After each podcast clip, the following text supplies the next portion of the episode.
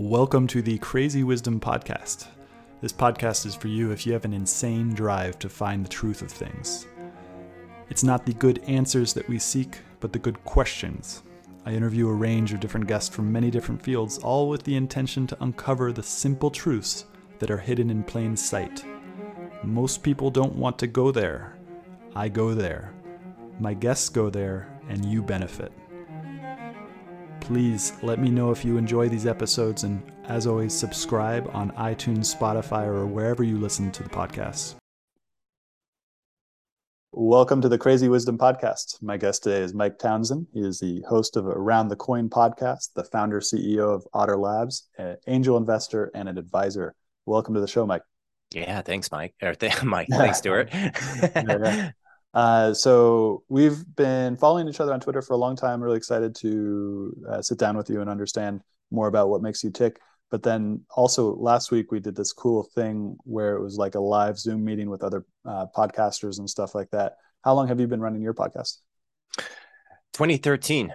Yeah, we started in 2013. I was a spinoff. Around the Coin was a spinoff from my startup at the time to try to grow the customer base. We were competing with Square, building like a web based point of sale.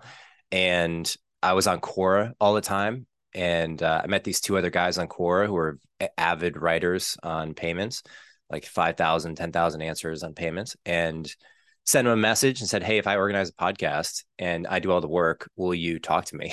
Basically. Mm-hmm. And that worked out. We talked for three hours every Sunday morning and it was awesome. We did that for five years, and then I started interviewing people one on one in 2018. Interesting. Um, and then you had mentioned it. Hopefully, it's okay to talk about. But you, you had mentioned yeah. you're actually uh, charging people to, to come on the podcast. Is that accurate? Yes. Yeah. So we, I experimented with just a bunch of different iterations of podcasting. Part of it just in doing so long, I was like, you know, how do I how do I make this work for me? Um, and one of the things we were talking about too is the difference in people who are considering podcasting or podcasting, you can have different goals with it. The black and white sort of obvious goal is listenership, but even then, listen, listenership is really a, like a sub goal to some other goal. So maybe for you, that's uh, you know fame, maybe it's fortune, maybe it's influence, uh, maybe it's influencing some other project or company that you have going on. Maybe it's curiosity. You're just trying to learn more about the world, and you have the other things that you need. So I think th- that those are some of the questions I started asking, and it became less for me about growing an audience, although that was great, it, but more about influence and knowledge acquisition. Like I deeply wanted to learn about the economy and crypto, and podcasting is a little bit of a hack where you just get to ask the smartest people you can find to talk to you for an hour. Mm-hmm. Most people would normally say no to that question, but if you say, "Hey, I'm going to record it and then publish it online for everyone to listen to," it's amazing. People love people will say yes at a much higher uh, conversion rate. It's so strange. So, like it was it was totally unexpected. I think it's been like 4 years now and uh, at the beginning it was just wild that you could just reach out to anybody and most of them said yes and and um and they would you know talk with you and for me, particularly particularly as uh, I've moved out into the woods and have pretty isolated in terms of my intellectual um, stimulation. It and also the ability to meet people, that kind of serendipity that happened when I was living in San Francisco, but then all in big cities in general. And it replaces that. It's kind of like an engineered serendipity where I can, where I'm on Twitter and then I see somebody writing something interesting and I can ask them for an interview and usually they say yes. Um, yeah. Although that's changed a bit recently. Yeah. Yeah. And I think this is really just representative of a much larger uh, tsunami of change that's influencing society and that the the communication channels are becoming way more decentralized. So like media was very centralized like ABC, CNBC and Fox News. Like there wasn't many channels 25 years ago and really I think like early 2000s, really like 2010 to 2015 when all the social media influencing mass wave started to happen it just it, it really started to challenge those institutions like new york times being one of the front facing ones. And i think podcasting is just a is like an avenue through that distribution or decentralization of ultimately free press you know? You are a pre- you should think of yourself as a press company and in competition with these like mainstream media organizations organizations. I mean just i was looking at the uh the some of the most recent announcements from uh, large tech companies. Like Zuckerberg goes and Joe Rogan to yeah. talk about the company. He doesn't go on MSNBC anymore. So I, I think that's uh, it's awesome if you're interested in in creating content and in the new wave of the internet. Like it's a really exciting trend. And at the same time, it seems as if the like because there's outliers like Joe Rogan, Lex Fridman, uh, Balaji, all these people with just kind of huge giant audiences that will in some ways replace the um, the large media heads like CNN and all that different stuff. But then there is uh, just kind of like it also seems like a splintering um, of ability to find people uh, and also ability for to have larger audiences. So it seems like the era of the last like 80 years where there's just like one media head that can influence millions and millions of people. That's still going to keep on going with these large large names. But as we were talking about it last time, I've been getting a lot of value from interviewing people with no audience, with no following, um, mm. and so it it it feels like there's oh, we're headed towards a sort of dark ages maybe um, it not like what I'm trying to say is that in the Middle Ages, if you're in Europe, your sources of information were really low. Like you probably had this feudal lord and he would make announcements and then his tax people would come, but you're only talking to the people in your general sphere. And I wonder if we're going to somehow recreate that on the internet. So there'll just be large spaces of like just darkness that unless you actually go out and try to find it, you're not going to be able to find it. And also, it feels like Google is now um, just becoming worthless, uh, and and that, and then there's something called Urbit as well, which I'm not sure if you've heard about, which it basically gives everyone their own personal server. And if Urbit works out, it's going to basically be a new internet, but under these lines of this kind of splintering of communication. What do you think about all that? Yeah, yeah. I, I, think like directionally that makes a lot of sense. I, I, think of it more in terms of like the underlying technology that has influenced both the dark ages and then the renaissance or the rebirth and then our perspective today. So I think like the technology back then was how do you uh, uh think of it in its most basic terms? It's really information acquisition and storage and distribution. So mm-hmm. back then it might have been scrolls, clay tablets. Like I don't I don't think paper was, you know, you couldn't preserve it for, for one, you could barely use it. And so eh, the printing press was really the the major catalyst at that time. So to distribute knowledge widely and to be on the same language protocol. I mean, uh, Martin Luther was famous for publicizing or at least helping to publicize the Bible in a language that people spoke at the time. And the the like astronomical shifts that happen when the playing field it's like the tectonic plates of the technology that we're standing on changes and they don't change linearly. It tends to be like an accumulation. You have v1 2 3 4 of the iphone but then like v5 everything shifts because now app developers are like making a full-time living and, and the whole thing sort of explodes. So i think there's kind of this uh, this these technological advancements that happen they're like a spirals upward but they hit different levels distinctly. Like the internet you have pre-internet post-internet you have pre-crypto post-crypto crypto is really decentralization.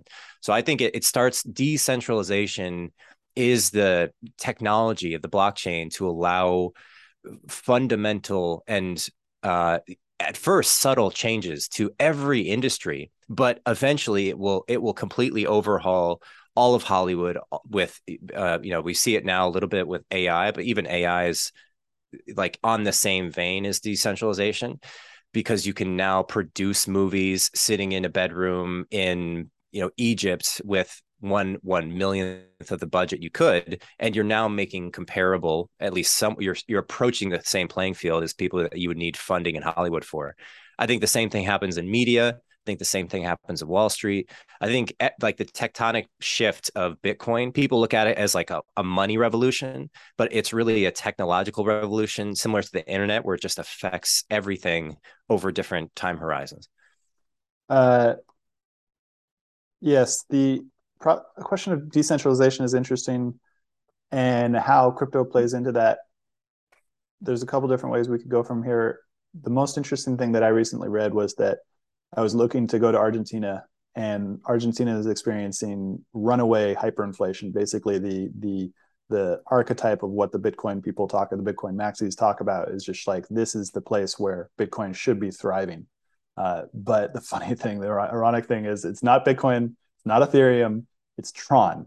Tron is the USD uh, stablecoin. Tron is being used by the Argentinian uh, money changers. Let me give some more context in this. So, Argentina has a fixed rate to the dollar that the government says you have to. This is how much you get when you go into our bank. If you have a dollar, you get 140 Argentine pesos. Um, and then, but then there's black markets, which are basically de facto allowed by the government, which give you a much, much higher rate of Argentine pesos. So I was considering going there um, to kind of like fight off the effects of inflation here uh, by bringing dollars there. I can live cheaper. Uh, but then how do I actually get the cash when I'm there? So I was like, okay, I'm going to bring a large amount of US dollars with me so that I can go to these um, uh, black market exchange people and get 240 Argentine pesos for my dollar instead of 140 if I go to bank. And I'm like, oh, I don't want to ca- carry ten thousand dollars worth of USD cash to to Argentina and then have it potentially get stolen. Can I use the stable coins? And so I found this article that actually goes into what's going on there. Um, and you can use stable coins. And I actually found a, a, guy who had been there before and that I could go and use stable coins. But the most interesting thing was that the these black market money exchangers are actually using Tron. Uh, before they would they would travel from Buenos Aires to Uruguay, which is really close to Buenos Aires. You just get on a boat and then go pick up U.S. dollars uh, in Uruguay, bring them back, and then it would serve as the back end for this black market.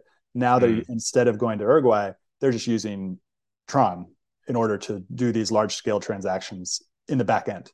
Um, yeah. And then nobody, nobody actually, nobody in Argentina is actually touching crypto, even though this perfect market case for Bitcoin and Ethereum. But and they're not even using it. Need like even the ones who are using it, crypto aren't using Bitcoin and Ethereum. Um, and so it's just like as we were talking about decentralization, all this different things. It's it, like the world is rapidly changing. It feels like there's no way to keep up with everything going on and then I guess that's that's decentralization. But then I guess what I wanted to talk talk about and ask you about is that there's decentralization. Like most people point to Somalia as the place with the most decentralization, and it's like that's like not a fun decentralization. I don't think people in in in Somalia are having a good time, basically. And then the United States, there's also a decentralization um, in our government that was specifically set up. So there's like there's like really gnarly senses of decentralization. Then there are good sides of decentralization. And then in crypto, it seems like decentralization is always a fundamental good. Um, what do you think about this, like duality, good or bad decentralization? Yeah, yeah, yeah. It's a good question. It's worth understanding that it is uh, neither good nor bad, but it is a new spectrum that we have an opportunity to recalibrate to. So typically, you know, there's like the the thesis, synthesis, thesis, antithesis, synthesis. So there's an initial use case, then there's the the counterbalance, which is the the opposite forces that that get pushed against that, and then it sort of falls in between there. And decentralization just allows that pendulum to now happen in just about every industry and so there's there's a lot of things like swinging and changing at once and i think of this as like yeah money is one of them. We're currently looking for a way to preserve value mm. and traditionally it had been the gold but in the 70s they famously detached the dollar from the gold and we're still using the dollar. Primarily that is the global reserve currency in the west and so argentinians use the dollar to preserve wealth. They may also use gold but for the most part they're using the dollar. People want to use Bitcoin. And I, I think Bitcoin inevitably becomes that, mm. but it is volatile in the short term because we don't know how to price it. It's like how mm. do you how mm. do you price this this asset for which it has just a completely different axis of influence. And I think that's the I think that's like the major uh, thing in the world that like is like how sorry my phone just started talking to me uh, i think uh, how do you price these things initially it just becomes very volatile so, yeah, yeah. I guess along. Well, I'll pause there. You, you tell me your reaction. Well, yeah, well, and it comes to mind now, like where it was so interesting. This most recent bear market because it snuck up, snuck up on me. I was totally in the crowd of like this. There's no way that Bitcoin's going down, um, and I think a lot of other people were. And then it it felt like the Luna thing happened, and and I do I do think that L- the Luna thing might have been a financial attack. Uh, I've been meaning to go research more about finance financial attacks and like the history of financial attacks, including what George Soros did to the UK UK pound and like yeah. the history of it to understand because that's that it feels like you can't you can't attack Bitcoin from a technological sense. It seems really secure, but you can attack Bitcoin and other things in terms of financial attacks, hacking, uh, but not only hacking, also like arbitrage, like all these different things that I don't understand yet. And it feels like Luna, there was some sort of attack, maybe state sponsored attack, because it was a stable co- coin that was outside the purview of the US government, and the SEC was actually going after them in Singapore um uh but you know i don't yeah, yeah well go, go maybe I, I, have to like add a little color here so yeah. the the basic the basic it was in many ways it was a misnomer to think it was about luna uh luna's majority a lot of luna's holdings was in and there was a lot of leverage just going across. Um yeah. so like uh, celsius was a, a major centralized exchange that fell um maybe they wouldn't identify as an exchange but they're you know like advertise themselves as a bank effectively and they collapsed because they were using the colla- they were using the money that people would deposit in the crypto and they would hold it for you. Well they would give you returns on this investment and the returns 8 9 10 12 plus percent how do you get those returns? And that was the question that was being asked but never really answered explicitly. It wasn't a open and transparent decentralized exchange like where you where you could kind of see you can't exactly see what's happening. So celsius would take this money and they would put it into like luna because luna had uh, you know like 20% returns. Well how was luna getting this? And they would go and they would like buy bitcoin. So there was this like speculative investing behind the interest rates. So you put money into an asset expecting a consistent 10% return well the money you're depositing is then going into another investment. And this is where like people throw the word ponzi schemes or pyramid schemes out there.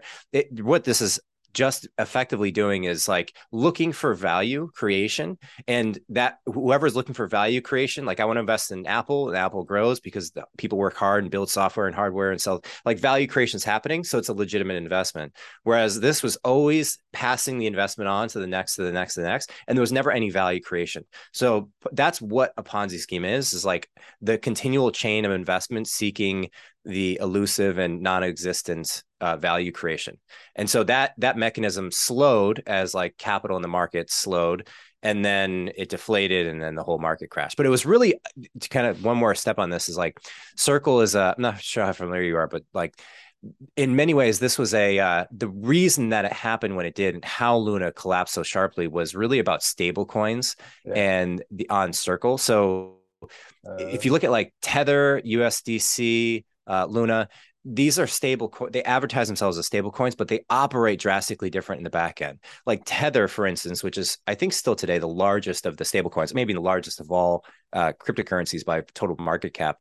They have their money in a bank account that is uh, audited quote unquote, but very infrequently. And you don't know exactly how much money is in the bank account, but you know it's not 100%, you know it's not 0%, somewhere in the middle.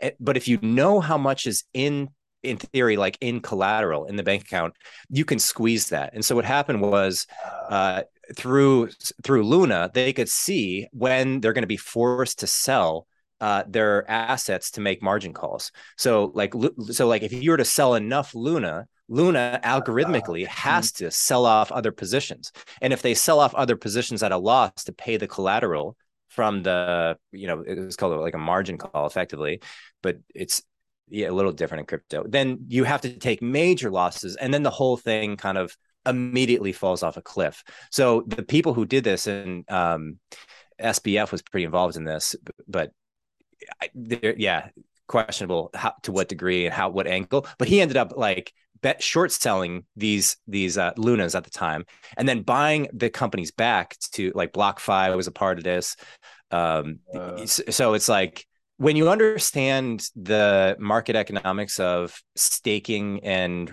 interest being paid out and it's completely transparent and people are not doing their due diligence and making these investments, then you can effectively push a herd of sheep off the cliff, and that's that's what happened. Uh, uh, and people made bets that that was going to happen. So what you're saying is that the non-transparency behind Tether basically is it. Hundred percent, yeah.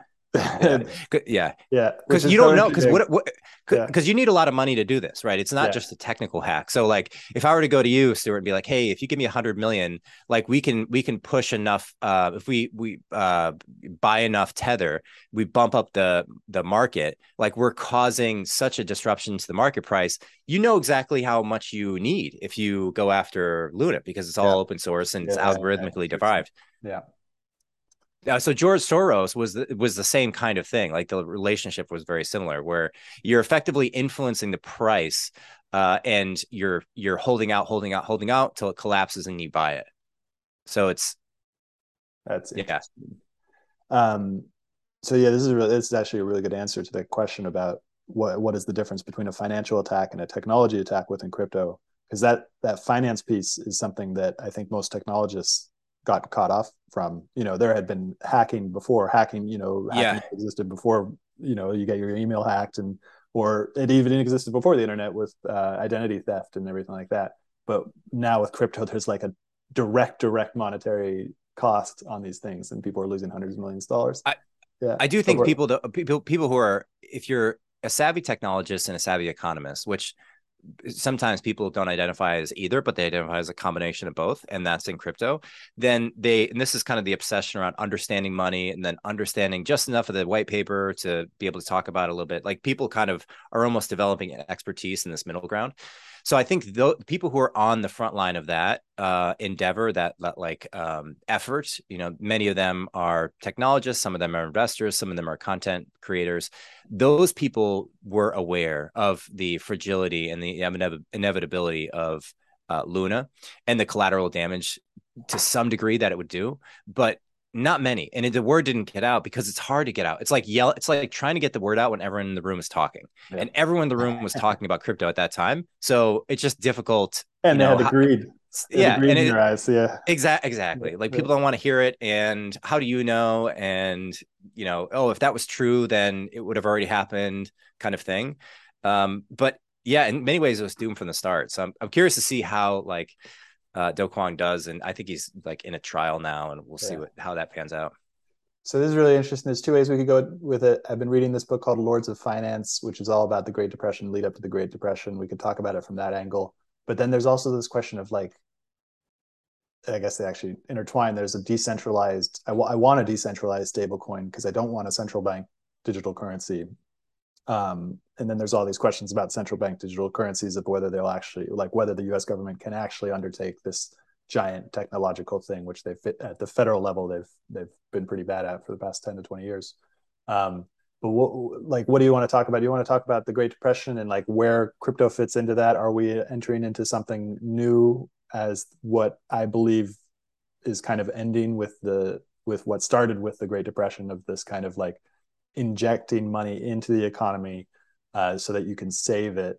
And now we're at the tail end of that, where you know the Great Depression is really when we really lost the gold standard. 1971, as you mentioned, that's when it really got cut off. And now we're at the tail end of just like, okay, the government is no longer paying attention to the to their budget deficits, and we're just in the wild ride. And at some point, that's going to collapse. It feels like feels like to me, Bitcoin's going to win from that. Um, or do you want to talk about this other thing about like a stable coin and a decentralized stablecoin that is outside the purview of the government i guess they're both it's the same question basically. What do you think? Yeah yeah. Well i like to think of it as uh, approaching these conversations uh, from the highest level of abstraction possible and then going down from there. Um, it, it, helps to like frame and give perspective as to what the future looks like and then putting making sense of the past. One influential book am i thinking on this um, was is called the fourth turning. Have you read this book or? or no, but uh, we, you mentioned last time, and when I saw the video, or I went and watched. Oh, you did. Mentioned. Yeah. yeah. Mm-hmm. So you get the ba- basic gist, which is that there's this um, generational, like these four generational, sequential and repeating uh, cycles, and it's a, really a fascinating concept because it, it illuminates what. Okay, with the Great Depression is a period of chaos and uh, uncertainty and suffering, and that had been there was also a period of a period of chaos and uncertainty. Then you could really circle the Great Depression around World War II. I mean, like 30s, 40s were really that time after the Roaring 20s. That same thing around 80 years prior uh, was the Civil War, so 1860s. So there's like a 20, 20, 20, 20, four generational blocks you could think of them the, between them and now and we're roughly in that same block. So from 1940 to 2020 is 80 years and these things are approximate. They're not 80 years on the dot but they represent generations. So every 20 years is roughly a new generation and different generations have different challenges and opportunities and, and lifestyles. And in america in particular it defines the uh, cyclical challenges going or the cycl- the cyclical four block um, progression. They call it a cyclum, which comes from a Greek word, but it's a like times are tough. It's it's almost like the strong men make good times, good times make weak men, weak men make hard times cycle. It's it's really the similar kind of concept where there's a you know difficult time and that's the chaos period. And then there's the rebuilding time then there's the renaissance the artistic expression in the 60s and 70s you have like the beatles psychedelic movement all that stuff. And then there's like the batten down the hatches war on drugs there's like the iraq stuff america starts to become fuzzy at the edges. And then you move into like the unraveling and chaos which is where we are today. Hmm. so i think of this as it's like the old dies so the new can be reborn. And in many ways that's what this crypto internet change is. We have these massive and and often very publicly criticized institutions in this country and that's both in academic and politics and industry.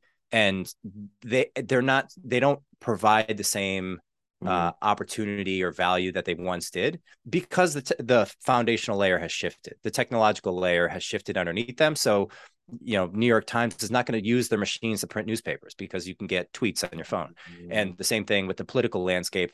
It can be much better and that can be is where the change is. That's like money can be much better than ach and three day deposit times and wire transfers. And the can be turns into like i have a vision for it you build it that's crypto that's bitcoin initially and that, it becomes just like a, a, whole ecosystem that spreads. And there's people who spread this, like Vitalik, certainly one of them, Balaji, certainly one of them. But there's a whole like army of people that uh, are trying to get the word out, trying to convince people that this is, you know, come build here, basically. Don't take a job at like a, you know, Microsoft, Amazon, Google, Apple job. Come take it in crypto and see the upside but there they're like there's a distinct difference here that it's not about price it's not about make money trading in the short term with no intellectual value or value creation. It's invest in the long term put it in bitcoin but forget about it in 10 years. Go heads down on a company see where you're at in 10 years kind of thing. Mm. yeah it's so interesting. What do you think about working in crypto at the moment? What are the opportunities? Because during that time in the run up that ended in 2021 it's like they say come work in crypto and then a lot of companies ended up being somewhat ponzi like uh, and where do you think are the biggest opportunities to join this all this that's happening? Yeah. Yeah it's a good question. Well I, I i again i think of it as like where's the if you're thinking about it as a potential employee it's the same question as a potential investor. Like where you know you have to check off the initial boxes like smart people do they have some capital to operate with? Do they have like some mm-hmm. design sense and market competition? But you would do that with any company. And in crypto i think the areas that are going to become massively disrupted are how we govern ourselves how we communicate with ourselves socially through the medium that we use uh, like I don't I see the intellectual like Balaji put it this way, which is fascinating, that we're in the state of uh, communism for social media. We're in like the early innings of communism. So you don't own any of the content. You know, yeah. if Twitter wants to take away all your posts, they could do it tomorrow, and you, you don't get paid anything on Twitter. You can tweet all day, build a million audiences, you get paid zero. You know, TikTok, maybe you get something. YouTube, maybe you get a little bit of thing, but like all in all, you're not a part of this economy and you have no property rights to the content you produce. So this is going to shift. So you, you so like DeSo, I actually interviewed the founder of DeSo on my podcast, uh, and they're building the underlying uh, like smart contract and infrastructural layer to build social media applications on decentralized technology so that you you Stuart would have the keys to your decentralized version of, of Twitter and Google Docs and Gmail and blah blah blah blah blah. So every tool that you use to interact with other people and and probably every tool you use in the matrix on the internet is going to shift to be uh, you you own the you at least have the option to control um, the the content, the property, the the books, the audio, the tweets, the emails, all that stuff. So, Sounds like Deso is yeah. a competitor to Urbit. They might be. I don't know. Uh, I don't know a lot about Urbit. Yeah, because that's that's the idea of Urbit as well, although probably from a different angle, which is that um, each person is represented by a uh, planet. So each person gets their own planet, uh, and that planet is underneath the star, and that star is underneath the galaxy. And it, all those, and then it's also a new operating system, uh, so that you have a whole new operating system like Linux, but much better. And so it's all built into one thing. And so if there is, it looks like a new internet that's growing.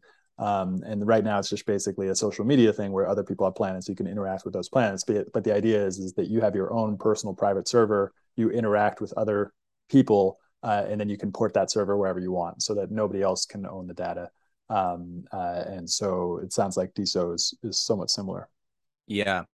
And I think it'll start to shift where we'll we'll think less about uh, freedom of speech, freedom of religion, freedom of right to bear arms, these things, and the new the new uh, rights will be in the cloud. So it'll be mm-hmm. like right to encrypt, right to compute, right to your your effectively your privacy, right to your own keys.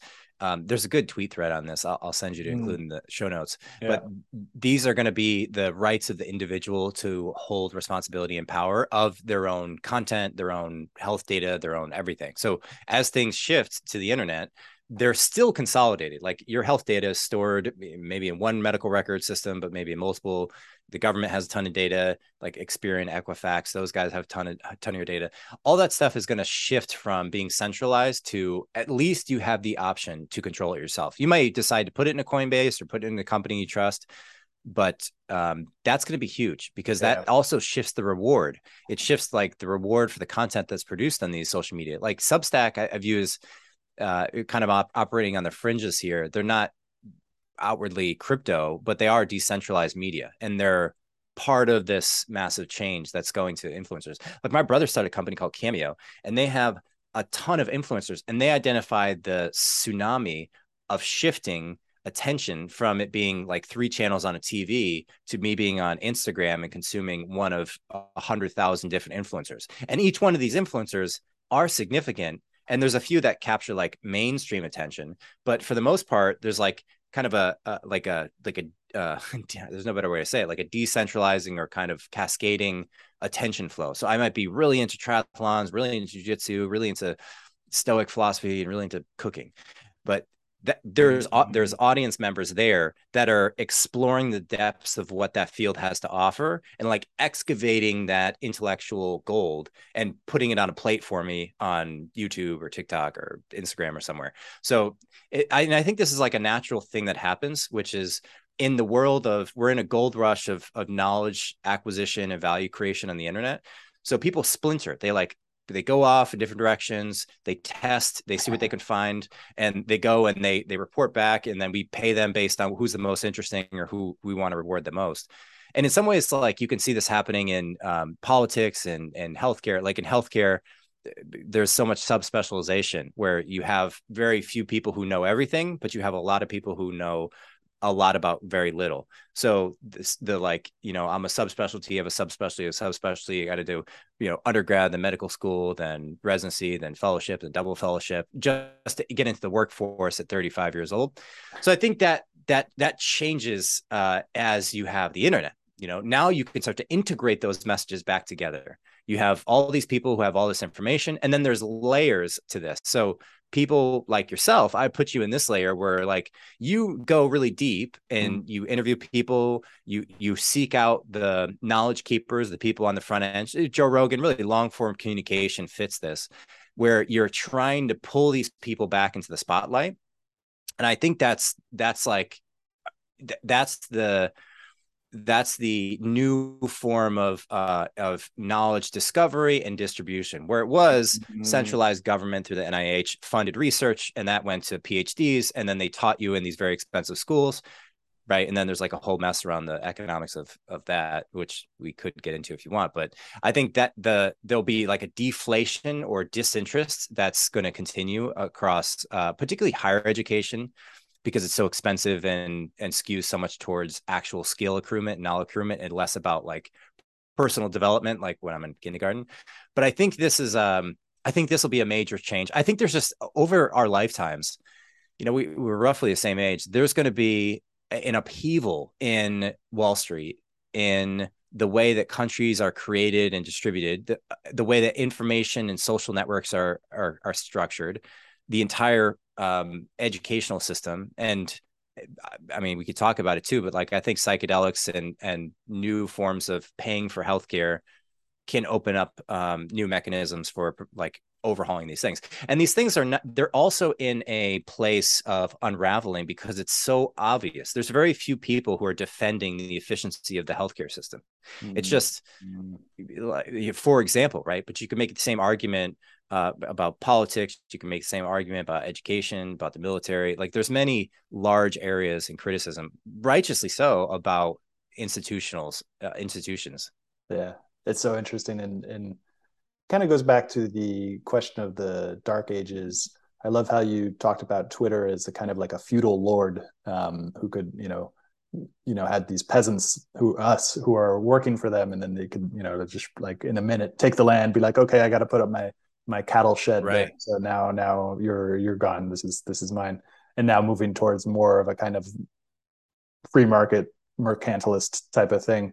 But the thing that I really got from what you said was that there's this virtual space, there's the physical space, and that the relationships that we have are now, you know, they've already been put on Twitter and Facebook in these very explicit ways, but without ownership, are now going to move towards uh, all of that's going online and that we own it. And so it kind of more ref- reflects similar relationships to the physical world. But then it's cr- so crazy because the physical world you know that's where our evolution came from is interacting with physical objects. And then now everything that can be virtualized is being virtualized and being represented on this giant matrix as you said. Um, and that is a, a very profound switch. How for you how has this relationship between the physical and the digital progressed. Uh, i know that you've moved i believe you were in la before and now you're in, in portland. Like how how is this changing for you in your own personal life this physical versus virtual? Yeah a good way to track it would be percentage of time that you look at a screen versus look at the, the three-dimensional world. I, I, would I, I mean vast majority of people must be over 50% and you wake up, you're looking at your phone, then you go and you look at your iPad, then you go and look at your watch, then you go back to your phone, then you watch TV, then you look at a monitor. And, and and and even then, maybe when you're driving, like today, you're driving and looking in the world, but half of your CPU is being spent on the podcast you're listening to. So mm-hmm. there's even the even the mm-hmm. full immersive reality experience is is still being diluted at the edges. It's like every it's like we we crave to be in this new world, which is commonsensical, right? It's like really stimulating. Everyone else is there. It's where everything's happening. It's the new world. So I think um, I, I think there like a couple thoughts. One is it's important to to ground yourself. I think uh, the mental illness in this country and throughout the world is is not just a singularly contributed factor, but many factors, one of which is becoming split, where your attention is in one world and then your physical body is in another world. And it would be as if like you're kind of like half between waking and sleeping uh, states at all times. So I find it helpful to do. I do jujitsu. I used to do Ironman triathlons to do a thing that you're like deeply and 100% focused in the real world and it's something that you can kind of progress on or like a hobby, right? Uh, hobbies are probably the most underrated things of our generation, like real world. Not like my hobby is I go and make like music online or something. What your hobby is doing like dancing or yeah. whatever it is. But I think those things, um, those things root you. It's like the root, the roots underneath the tree that ground you to the reality of existence that then allow your creative mind to write and create and sing or rap, whatever you're doing online. So that's sort of how I how I think about it. Mm. Yeah, I really like that. It, goes into what I've been reading in terms of Advaita Vedanta um, philosophy, spirituality, and just like if you really look into it, you know, there is this physical world that I see outside, and I imagine that you also see this physical world, and both of those worlds are probably similar based on the evolution. But that the way that we see it is wrapped up with this emotional mental complex and that men- emotional mental complex although it seems very persistent and like very very real is almost entirely virtualized and the advaita vedantists would call it an illusion because it's so far from the actual reality of existence. Um, and that what you just described is basically like the 100x 1000x what this middle-aged peasant was experiencing. Um, and so like the in terms of the stimulation of that virtual character that we think we are but we're not really that um, and it's just really fascinating to consider where it's all going because it seems like it's going to get pretty weird yeah. Well, this is a you, you probably get a kick out of this. So I think the um, if you like frame out the different major influences in the world religiously, you have uh, you, the Christians, the, the Jews, which are really Christians before the Jews, or uh, sorry, they're the Christians before Christ. Yeah. And then you have uh, Islam. So in many ways, like Jews, Christians, Islams are all in the same Abrahamic line, right? It's just like, do we agree that this was a, a new prophet, or was is he just a uh, regular dude just talking about things? And so you can almost like lump them together as this uh, this like archetype or um, a, like a like a construct of the world. So what what how do you think of the world? Religion attempts to explain that. What is this thing that we're inhabiting, and what does it all mean? Religion makes sense of it, and has done for most of civilization. It's been like the dominant thing that nations are built on. America famously being separation of church and state, and that's like the first time that, that forked. But the idea that uh, uh, the world was made by the carpenter, that it was constructed by mm-hmm. someone up in the sky, and that mm-hmm. it's made of material matter. And scientists will focus on understanding and digging deeper and deeper, splitting the things until they can't split them anymore, smash them together, and then they make wavicles. And we're still unsure about what it's all made of. And and I find it interesting because it's like the Chinese view of this world, by mm. contrast, is that like a Chinese person would never ask their parents, the Chinese kid would never ask their parents, Mommy, how was I made? They would ask them, How was I grown? They think of it as an organic, ecological, natural system, and that things grow out of this world. Mm-hmm. Whereas we think of it as you were born into this world. There's a construct. Jesus is Jesus was a carpenter. He made things. There's an obsession around the structure and the logos of the of the world which is great. It's why uh, the West is so theatrical and so concerned with politics and what's happening. We're deeply. This would be like this is kind of an Alan Watts influence, but he says it as um, actually the, the, we talked about this a little bit in the, uh, in the last conversation but the idea of the word person meaning mm. the mask that the uh, ancient romans used to wear when they were acting and it was persona. So sound passing through this mask was your person. It was a it was a fake piece of identity that you put on. And the the other perspective so you have the constructionist sort of carpenter view of, of jesus as an abrahamic lineage Judaism, Catholicism, Christianity, Islam, and then you have the the Chinese perspective.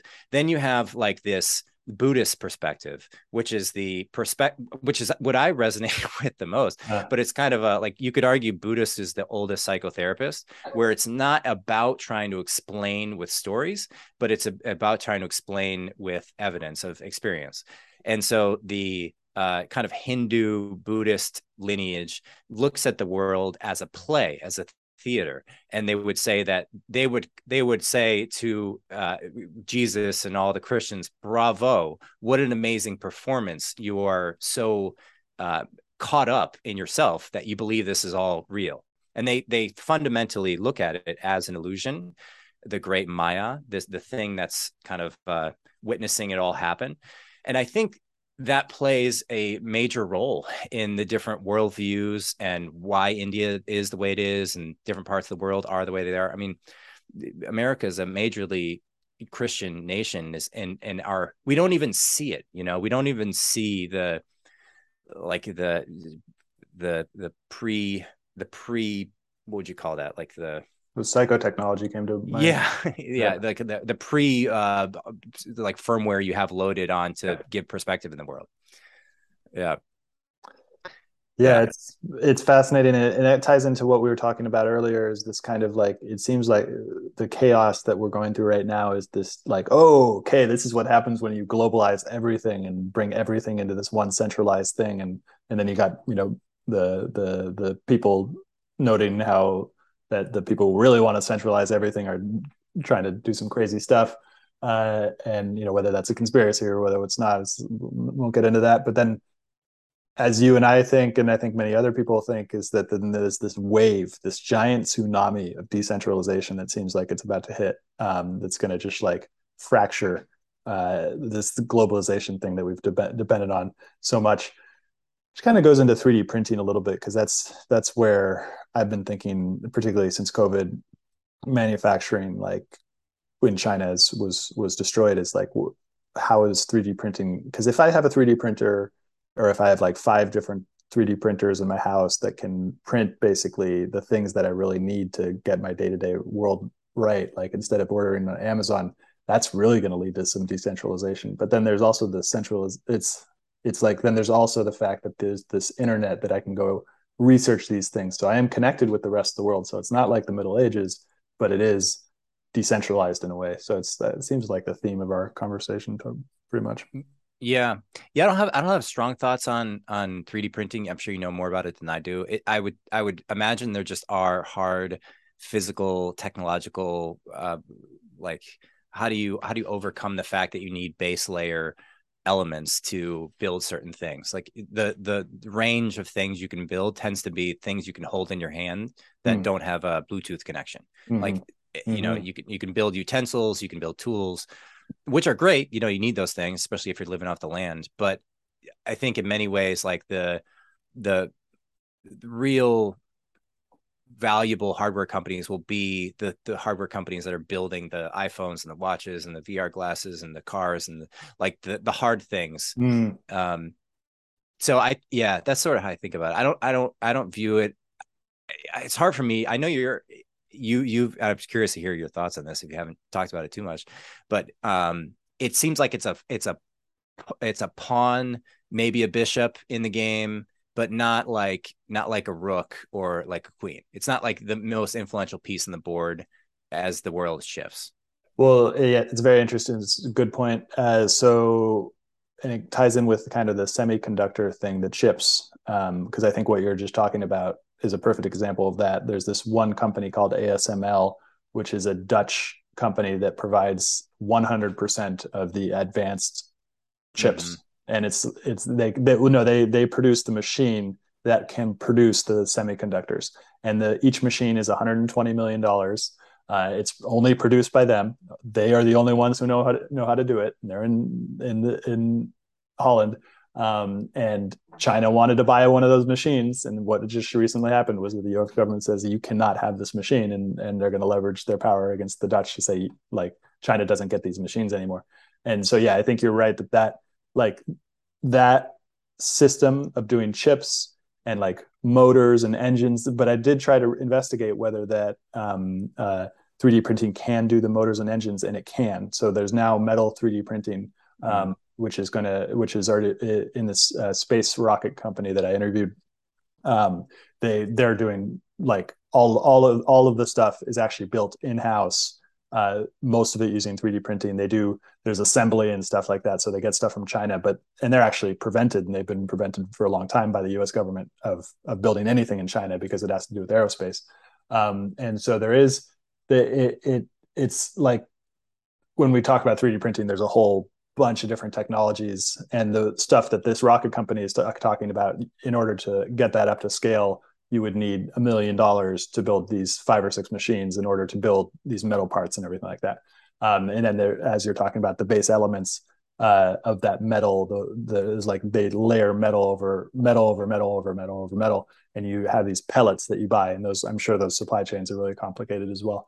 Um, but then a friend of mine, Ben Magelston on Twitter, he's actually creating structures out of uh, local geologic materials uh, that can also be 3D printed. Um, so yeah, I think there's a lot of a lot of crazy stuff, but as we've talked about crypto, it's like it's not really clear yet where this is all gonna gonna play out, basically. Well, even then, like the reason why that's interesting, the reason why maybe the I, I think I, if is it called Relativity Space that the 3D space company. Oh uh, no, um, Ursa Major. Uh, oh, okay. Uh, mm-hmm. Well, I think why why is this on one level, you want 3D printing for different purposes. One is to go deep into space, you print these things. Another would be to have national security, so you're not relying on other companies for raw materials or production. Like China's obviously a major producer of goods in the world. And if you rely on them for your critical needs, then you're in rough shape. So the United States is smart to be concerned about that as political tensions grow but even then like why do we care about 3d printing? Why are we concerned with supply chains being cut in china? Why is the relationship with china seemingly getting worse? How do we make sense of this in a bigger picture? That's always where my mind goes because it's like there's these different stories you hear and you hear it and you're like yes that's right. But then you hear another story and you're like yes that's right. And that contradicts the first story. But then you're like then you become suspicious of like is there more stories out there yeah. that then contradict these two and like play into a bigger picture? So I, I feel like i've been on this path of like trying to find the bigger biggest most all-encompassing description and, and picture uh, narrative you could say of the world. Jordan peterson does a good job of this. John Vervaeke does a good job of this. Balaji does a good job of this. There's a lot of people who are really dedicated to like this idea of excavating and, and narrating the world ray dalio is a good one um, the author of the fourth turning and there's these there's these um, different lenses. It's almost like you have uh, like like glasses on, and you're seeing different perspectives. So we have our normal perspective, we have ultraviolet perspective, we have gamma ray, X ray. You can see different.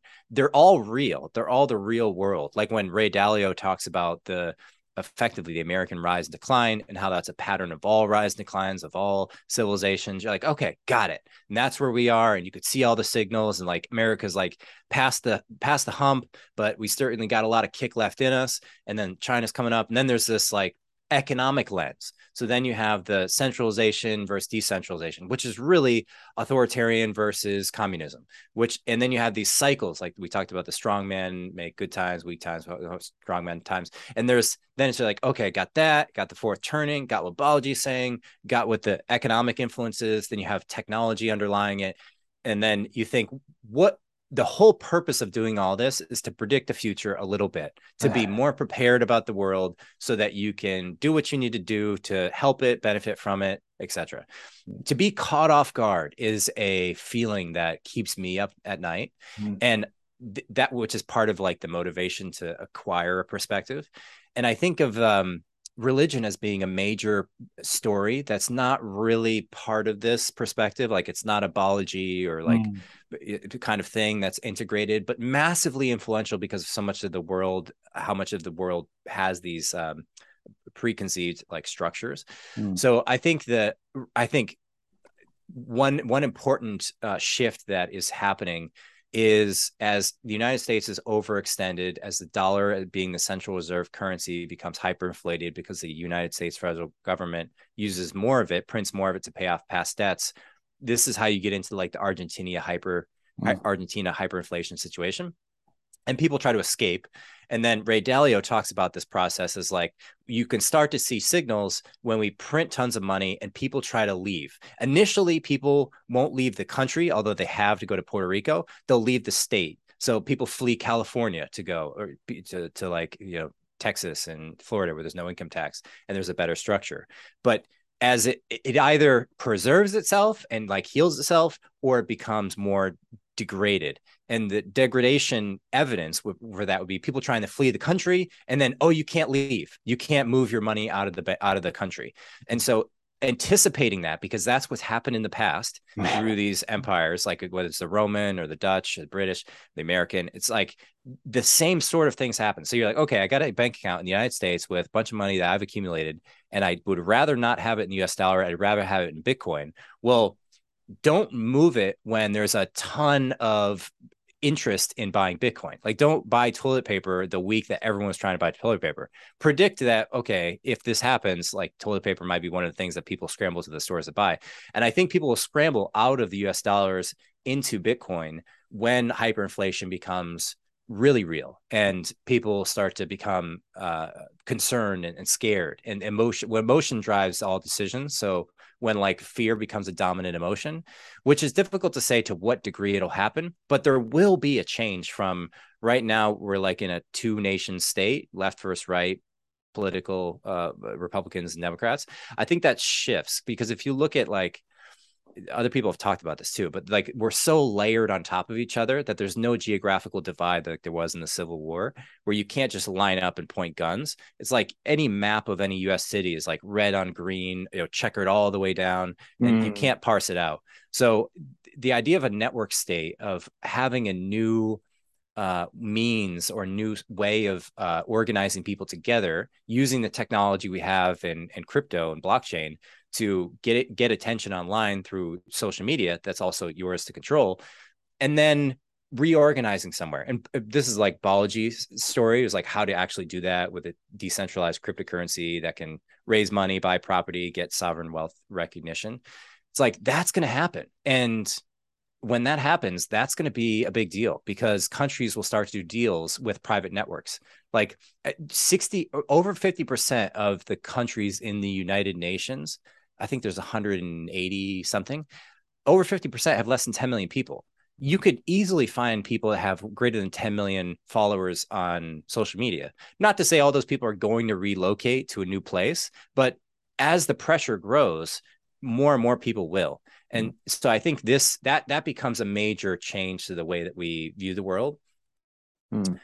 um, among among others but I, I, think the people who can uh, create a community of people online using existing social networks to really promote a new set of commandments a new doctrine or operating protocol will be the ones that end up starting these new network states and I think the tension, the political landscape shifts from being like left to right, it shifts 90 degrees.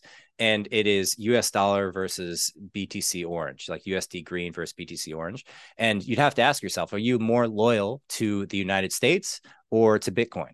Mm-hmm. Are you, you know, on, do- on team dollar or team Bitcoin? And like Jack Dorsey and Elon, like th- those people, like they like America, but they like decentralization technology better. So they're going to be on BTC Orange.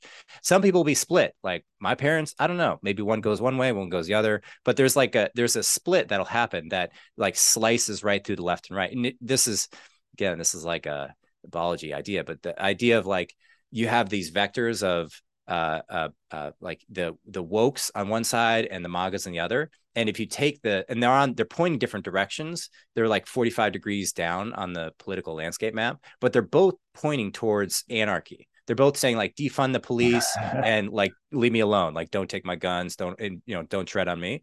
And they cut they so they kind of converge on uh, team and you know they're not on team dollar green. They're pointing the directly down team decentralization. We're on board with bitcoin if it helps us like take down the patriarchy and smash the institutions like these things. So i think that's the it becomes like new york times is kind of the epitome of the the media arm for the US institution and mm-hmm. they become like central in this in this fight and mm-hmm. it becomes like decentralized voice of bitcoin twitter that might move to like uh, decentralized you know social media entirely versus like new york times and and like federal power and and all that so i think that's I think to be on the wrong side of history is, uh, you know, you don't often have a lot of time and when these things happen because like how quick was the protests and the BLM movements and like everyone was like if you're silent you're violent. And it was like an incredible amount of social pressure in a in a very short time. And you like me I'm, I'm sure you were like okay I don't know I don't know how to parse this at a deep enough level to actively contribute to the voice and conversation. Then your friends like we got to go to a march tomorrow and it's yeah. happening. And the, or the, you know, it's like so there's so much energy and if you don't like prime yourself with an understanding of what's happening, then you get so caught up in the like the like you're at the in the ocean you're at the, like the waves at the very top where it's all choppy. And you're like today i'm pro um blm and then i'm pro ukraine. And like that there's an incredible amount of volatility and like you know andreessen horowitz talks about this as a what's the new thing what's the new thing? Is like uh, what's what's the new thing current, this week? Like what's uh, the current like what do we worship this week? Yeah. and it changes. Like you know the 2000s it was like terrorism and then media was like anti-tech and it's all about facebook and shutting down the monopoly and social dilemma. And now that I, I think it'll actually start to point at bitcoin and cryptocurrency more directly. So mm-hmm. you know we're kind of in this limbo state of regulation and, and that coming out. And i think part of that like stalemate is like like a real gut check to the U.S. institution to say what are what side are we on? Where is our identity going to fall? Mm-hmm. Are we going to be mm-hmm. pro Bitcoin, pro cryptocurrency, decentralization, technology development, or are we going to try to clamp down and like preserve power? Mm. The, the, the nice tailwinds we have is that there's basically both sides of the aisle have consensus view that we played the cards of the internet correctly.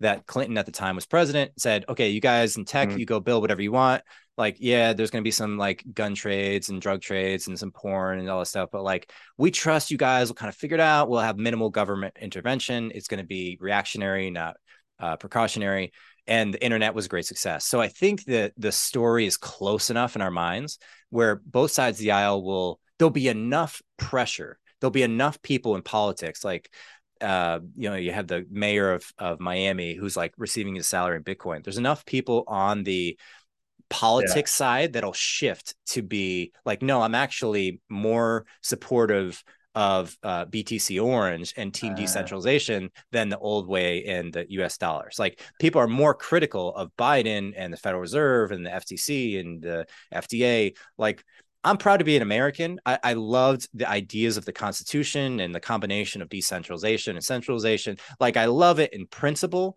but in practice, I, am like major, major issues with this. Mm-hmm. And and I think the the the issues become so high, they stack up and say, well, maybe my identity, maybe my top line identity is not American. Maybe it's something else. And maybe that's like line three or four or something. And you can see this even if you look at like the Twitter bios of uh, congressmen and congresswomen they often will say like if you if you rewind the clock and look at what it was when the country was in its most united times it's always country god or sorry it's uh it's always like god country family party. And and that's like how the stack rank was.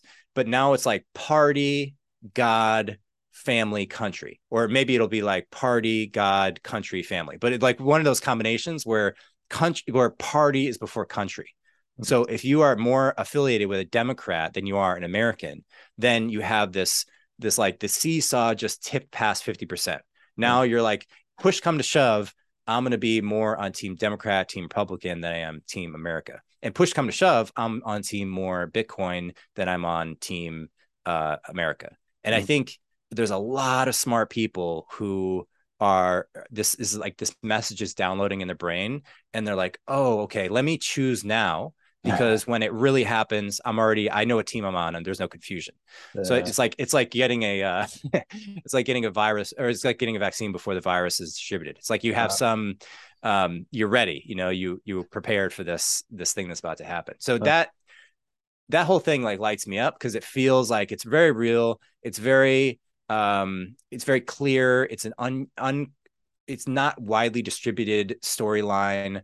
It's extremely important and extremely influential to everyone. Like no one hears that story and says, "Oh, you know, that's not really that interesting. Like I'm uh-huh. going to go back to my garage and just, you know, you have whether you're a teacher or a politician or a tech person or a vagabond, whatever it is, you're it plays into your life in some way. Because you all have to make decisions about what we do, how we preserve our money, where we live, who we vote for, all those things. Yeah. And, yeah. That was that was beautiful. Um the it's and it's you're talking about the social pressure. We've got about five minutes left. You're talking sure. about the social pressure um, for all these various current things. And I've also noticed that recently in terms of economic decisions, like the the you have an opportunity, but there's un, there's uncertainty around everything. So there's uncertainty about the future price of Bitcoin. There's uncertainty about the future price of real estate, uh, stocks, all these different things. And then you have this opportunity and this opportunity is time bounded as well because it's based on conditions. So for a personal example is uh, I, I, was um, i've bought a house in an area that expanded rapidly in terms of real estate prices uh, and then there was a point at which i could sell the house for a very very large amount of money uh, and then that window changed uh, and same thing happened to bitcoin. They they both kind of happened at the same time although bitcoin would happen a little bit earlier than that um, and it's just so interesting that it happens both on social and also economic. And it's like all these things are changing rapidly. It goes back to the Buddhism thing, which is just like everything's changing all the time. But it seems like, the, as we've been discussing, the pace of change is now increasing quite a bit. And so the, the ability to make decisions very quickly and like not just small decisions, but quite quite big ones as well has changed, especially for the past two years. It's been insane how how quickly I've had to make decisions about like, um, for example, just re- removing myself from the northern hemisphere when both lockdowns happened in the past two winters um, was just like it was just such a big decision at the time, um, and yeah. uh, and I think a lot of people are going through that. Yeah, yeah, totally. And these decisions are like even you play climate change out and you say, okay, is climate climate change influence where I live, where my family lives, yep. how I invest my money, what what I you know advocate for online. And so you there's a there's a degree of work to to become um, knowledgeable enough to have an articulate opinion about this. And that luckily i think the work is getting easier because people mm-hmm. are doing it for you and then they're they're yeah, selling off the the research. They're like packeting the research that they've done. Someone will go out and read 50 books you know they'll write a book and do a podcast and like you have that in a packet that you can then consume in an hour or two.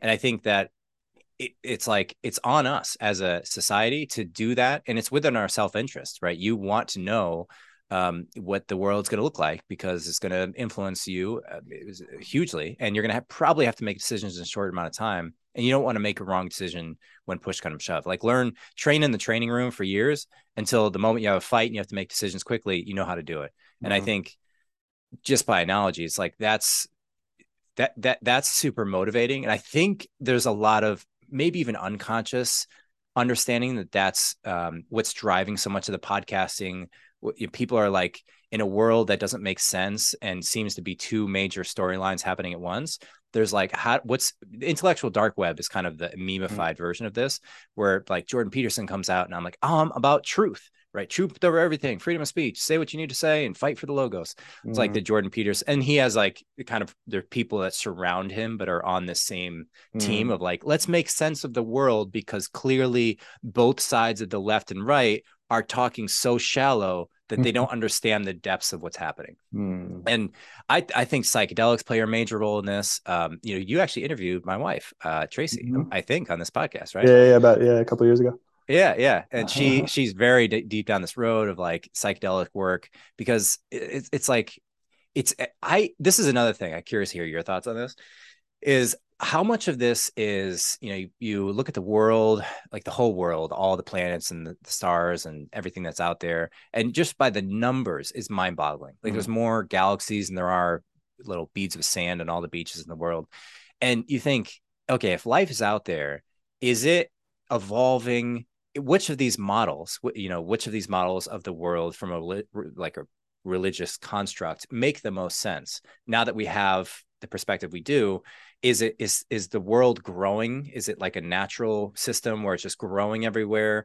Is it is it really made of matter and there's like some building block that's at the root of it and then we're all here we popped into it? Or is it the like buddhist perspective where there's just there's just consciousness first and then there's everything that's made of that and this is all a dream effectively an illusion? Mm-hmm. And this is kind of becoming more popularized by the panpsychist movement. Actually sam harris's wife is really like getting the word out on this but mm. she's like taking the buddhist idea of uh of maya and the brahman of, of like the backdrop of consciousness is what god is and then like recontextualizing it and putting it in a language for scientists to, to listen to so she'll interview like sean carroll and all leading physicists mm. and it's it's interesting because it's like the hard problem of consciousness relate that's what this effectively is and it's be, it's hard because you're trying to solve it with the wrong tool and it's like a flippening that'll that i think will happen. So yeah going back you have like this i think about is this an inevitable path that human beings are on? Like do we kind of go from nature experiments with like amoeba and plant life small animals bigger animals and then we kind of get to this this form factor of human that has you know we have opposable thumbs we have the intellectual capability to understand complex topics. So we can like think and do and project the future and different parts of our brain do different versions of that. But those things are not they're not like specific to earth. They're they're things that you, you like this you need a certain form factor to travel into space mm. because you can root it down to elemental realities of the world. Like you can't make a rocket ship that's, you know, if human beings were 10 times smaller, 10 times bigger, we couldn't build rocket ships and you Mm. couldn't leave the planet. And you couldn't do all the things that we're doing. And these things are not arbitrary. Like there's not a another planet where they build like rocket ships have to do one thing which is like they leave the planet and go somewhere else. So there's a certain form factor for that. And i think about these things as like is this are so clearly there there's some version of of civilization that's like human branded we got our names we got our logos we got our styles but then there's also a, a certain way that the human civilization is unfolding that feels like it just has to unfold this way Mhm. like it t- how how could it possibly be that you know that alien life somewhere is leaving the planet in spaceships with some other form factor like are they like i so this is my long theory is that there's a bunch i i, I have no way to actually well i think my guess is that there's a bunch like a ton like a million billion trillion gazillion different versions of life out there on different planets with a similar form factor to the human being and different modes of communicating and talking and traveling and and different dances they do and songs they play and ways they entertain themselves. But that there's like a con- some kind of conscious communication. So i think this is my this is where i this is like the pinnacle of the idea is like it would be way more interesting if the universe had the potential to be interconnected than if it didn't. So Yes. if all life on all these planets are really expanding outwardly faster and faster and we, no one could ever come in contact with each other. It's like it's just less interesting. And i think if you if you start with the the proposition of the buddhist perspective that like we are this whole creation unfolding you probably say well there's you want you like how do we connect? It seems inevitable to me that we at least have the technological capability to connect with other life. And my bet is that it's not a physical connection through wavelength but some kind of like psychological or psycho introspective um, communication through probably some kind of like psychedelic technology facilitated. And this is not something that you can easily just wipe aside uh, because we don't know how to explain what psychedelics are. And Terence McKenna was famous for saying that he wanted to run scientific studies on this um, phenomena. Like people seem to report similar type experiences. And could you kind of you know create a scientific study study this and it's starting to happen. Mm. but i think the excavation from what the psychedelic research is going to do is going to be is going to be another one of these things where it's like you put that lens on and you're like oh my god everything changes. Everything in the world changes.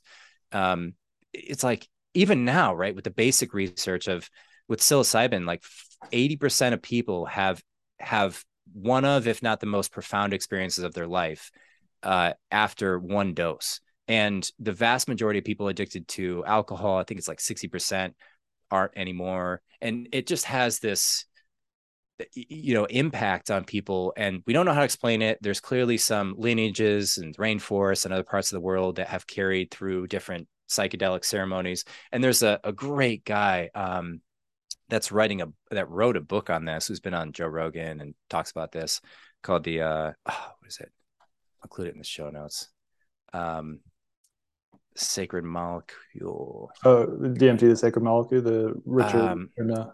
Ah, it wasn't him. It was Oh. uh there's n- I, I, I'll. I'll include it. He, you know, he's ba- his basic theory, and that he's done a ton of research on this, is that uh, the experience of Jesus and what they were doing at the time was that they were mixing psychedelic chemicals together. So they were using Mhm. a compound of, um, uh, it was like an ergot, so it was like an Mm. extract of a, a kind of weed, and it would have uh, ergot has a, a psychedelic experience to it, and so there's clear evidence of people in ceremony having psychedelic experiences in multiple societies so like the ancient greece and around jesus's time and and others as well and Is so it he, Brian Muraresku? Brian Barasco. Yeah. Yeah. Yeah. So Hmm. I think that's like uh that that's an interesting story because that one um, when that story really becomes widely understood, Christians now, which is the majority of this country and, and a huge part of the world, like over a billion people, now have to integrate this or get to integrate this into their story, which is that, okay, psychedelics were like the reason why people worship Jesus and Jesus had his downloads in the sermon, you know, in the cave and like, and this so you, you like integrate the psychedelic experience into the religious story and then i think things things can get crazier like really mm-hmm. really fast mm-hmm. if you think things were crazy already just imagine all the christians are like pro psychedelics and psychedelic research becomes widely proliferated and used and um yeah it's gonna get weird yeah but, but better in many ways too because it's yeah. it's also so uh healing like the veteran people who are ptsd and so much uh, mental mental illness are like intensely helped by the experiences so there's a clear reason to fund it. There's bipartisan support. Like it's one of these rare political topics that just have n- no real opposition. Just kind of like it's it's rolling downhill on both sides of the aisle. Mm. So you know it's it's crazy how fast like marijuana became legal in, in different states right it's like oregon did it or colorado i forget which one and then it just it's like every now every state does it and it's not even what is it five years later it went from the first state to eh, almost every state. Some we just recognize there's like quick consensus oh yeah yeah marijuana is not legal. Yeah we should just do that. It just changes quickly. Yeah it's crazy how quick it happens. Well uh, we gotta stop here but thank you sure. so much for coming on the show. Uh, how can people find out more about you and what you're working on? Uh, so I, I want to mention too i'm working on this project called town hall. So you were helping out with that or joined a call but townhall.network and what I'm doing there is organizing people in small groups in private online to have deep conversations about specific areas that they're excavating, so to speak, that they're interested in. And that right now is going to start off by moderated conversations with myself or partners of mine and doing more and more of these and finding people who have areas of interest that want to talk to other people with areas of interest and just get like get around a campfire proverbially and just have awesome deep conversations for 75 minutes. So that's um, becoming a real focus of mine. Also um, on twitter uh, mike t. Townsend. So that's the best way to hit me up. Cool. And thanks stuart. This was so much fun man. I really yeah. enjoyed going deep with you and playing around with different ideas. Uh, uh, and I, I want to give a shout out to that experience at the town hall. It was a, it was a highly enjoyable, thoroughly stimulating intellectually. So definitely go check it out. Sweet. Thank you so much. Hi, brother. Thank you for listening, and I hope you enjoyed this episode. As always, you can find me on Twitter at Stuart Alsop III. Also, don't forget to subscribe on Spotify or iTunes for every weekly episode that I publish on Monday mornings. Hope you have a great day.